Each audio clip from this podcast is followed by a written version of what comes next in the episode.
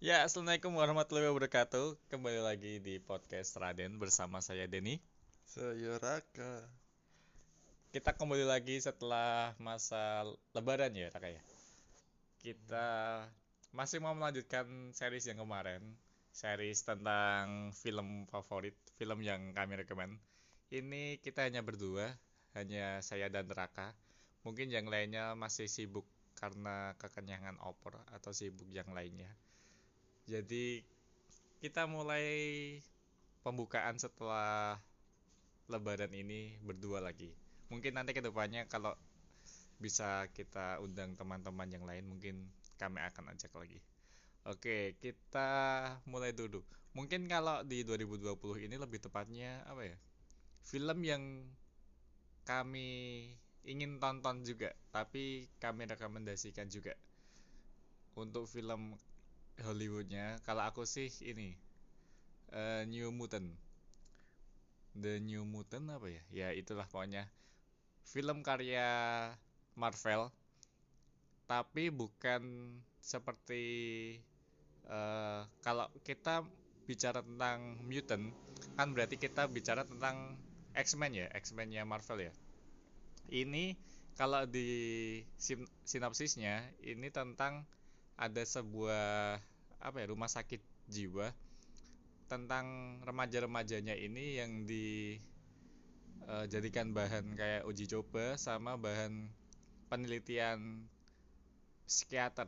Jadi remaja-remaja ini memiliki kayak mutasi genetik mungkin di uh, rumah sakit itu atau atau memang mereka sudah bermutasi sendiri jadi mereka diteliti di rumah sakit itu jadi ceritanya ini kalau di uh, genrenya sih horror thriller. Jadi kalau biasanya X-Men kan action atau ya action ya action dan lain-lain aksi gitulah. Kalau ini malah ber berbeda. Ini horror dan thriller. Jadinya mungkin seru. Ini berbeda dari X-Men X-Men yang lainnya sih. Makanya kenapa saya rekomendasikan. Karena mungkin saya juga ingin nontonnya juga sih ya kalau masa-masa kayak gini kan mungkin kita hanya bisa menunggu by streaming ya. Tapi semoga cepat berlalu biar kita bisa nonton di bioskop bioskop lagi. Udah berlebet berlibet. Lah ya terus kalau itu film Hollywood yang aku rekomendasikan kalau film Indonesianya sih Aku akan merekomendasikan film yang berjudul Tenri Pada. Jadi judulnya sih membuat aku menarik sih, tertarik sih. Jadi sinopsisnya tentang uh, lebih ke drama sih, drama dan aksi. Seperti sebuah pertentangan. Jadi kayak ada pernikahan di mas di waktu tunangannya ternyata si mempelainya ini malah melarikan diri dengan cowok lain di sinopsisnya gitu. Jadi ini seperti kayak kalau kita bayangin mungkin bisa dibayangin kayak film ini uh, in, film India Chennai Express kamu tahu nggak Raka? Nah mungkin bisa dibayangin kayak film itu sih. Aku juga belum tahu pastinya kayak gimana. Jadi ini yang aku rekomendasikan untuk film Indonesia di tahun 2020. Jadi coming soon aja. Kita bisa nonton dan kita bisa nikmati pada waktunya nanti itu saja mungkin kalau dari aku kalau dari Raka uh, halo kalau saya tahun 2020 hmm sebenarnya banyak film-film yang ini ya udah mulai uh, sebenarnya udah mulai promosi tapi karena ini ada kendala nah, reschedule reschedule kan mungkin kan mm -mm, bisa reschedule atau uh, berubah berubah format kalau sebenarnya aku kalau film barat aku pengen banget nonton Mulan cuman hmm. karena kalau berita yang tak lihat sih dia kayaknya karena udah terlanjur promosi kemudian dia udah opening juga kemudian udah uh, pokoknya dia sebenarnya tinggal screenplay aja terus ternyata ada pandemi ini sehingga uh, kayaknya nggak nggak memilih opsi untuk memundurkan kalau yang tak baca terakhir sih dia mau dibuat eh, film online. Jadi kayak streaming. Oh tapi Platform. berbayar? platform streaming ya gitu. Ya nggak tahu ya. Itu mungkin pertimbangannya karena udah terlanjur promosi dan lain sebagainya. Hmm. sehingga eh, kalau diundur-undur lagi malah nanti eh, dia merugi. Karena kan dari faktor ekonominya kan maksudnya uangnya udah terlanjur Iya, tergelontor banyak juga kan untuk promosi terutama Mm-mm. padahal promosi itu kan time frame-nya pendek jadi untuk memunculkan animo masyarakat di waktu tertentu kan Mm-mm. Nah, kalau dia diundur-undur lagi berarti uang promosinya yang kemarin kan tergolong hangus. Gitu sih nah aku bacanya. Sehingga dia milih opsi yang tercepat karena kan sekarang kayak belum tahu pasti ini bisa di bioskop kapan kan. Sehingga Iya. mau nggak mau dari pihak promotornya kayaknya milih opsi-opsi yang gimana pokoknya paling cepet gim- caranya biar film Mulan ini bisa segera diedarkan secara legal. Nah, salah satu opsinya sih itu streaming via streaming. Jadi nanti muncul di Netflix, muncul di platform-platform kayaknya kayak gitu sih. Cuman ya wal ya resikonya tetap merugi sih. iya sih Karena kan penghasilan dari film yang kita tahu tuh pasti dari tiket bioskop Mm. murni. Itu yang paling banyak masuk ke kantong para pemain film dan direktur dan lain sebagainya. Sementara kalau yang tak tahu sih eh, kalau melalui platform streaming tuh nggak terlalu banyak duitnya.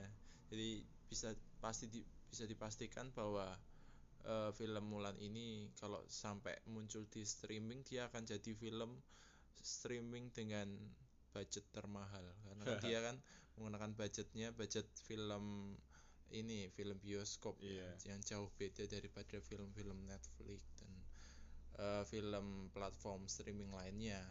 Gitu apalagi sih. kalau streaming kan kita bisa gratis nih bisa dapat Mm-mm, gratisnya kan. Ba- resikonya lebih banyak Mm-mm. terus sementara pemasukannya lebih sedikit. Nah itu satu Mulan. Kemudian sebenarnya yang pengen tak tonton lagi tuh eh, No Time to Die ini filmnya dari ini siapa ya siapa sih nggak tahu Daniel Craig.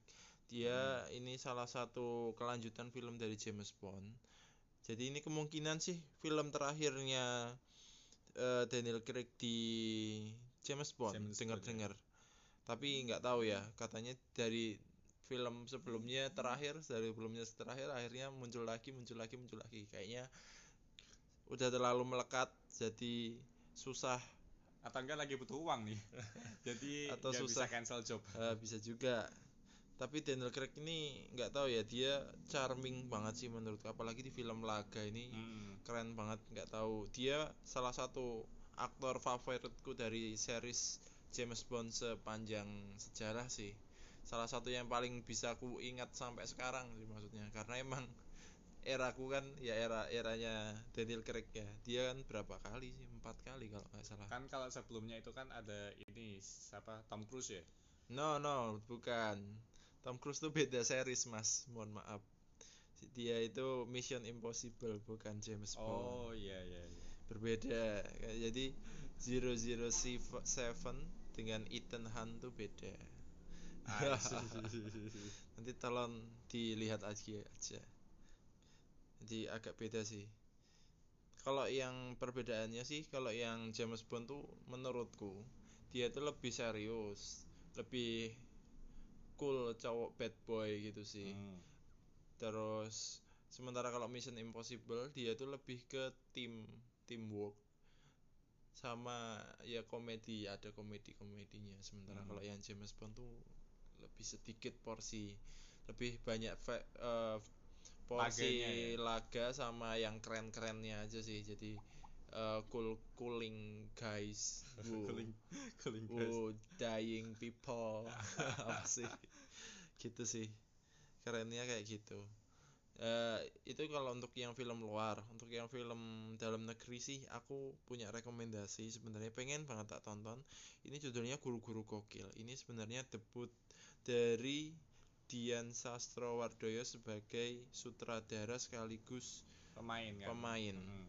Ya, ini menarik banget karena seperti yang kita ketahui sih untuk Dian Sastro ini dia itu tipenya itu all out dalam eh, seni apalagi seni peran setauku dia itu eh, nggak tanggung-tanggung kalau melakukan sesuatu jadi bisa dibilang dia salah satu pemain aktris film terbaik sih menurutku se- selama satu Untuk dekade. cewek ya.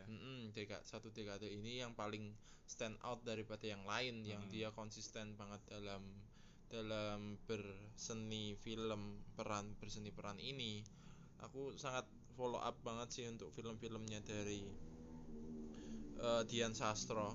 Dan apalagi sekarang dia direkturnya melebarkan kan heeh, dia melebarkan sayap. Nah ini tambah menarik sih ditambah ini Gading Martin ya dia kan Iya, ini- tokoh utamanya kan. Mm, tokoh utamanya Gading Martin. Dia kan kemarin sempat dapat penghargaan FFI kalau nggak salah pemeran utama terbaik untuk film eh, Love for Sale satu. Hmm.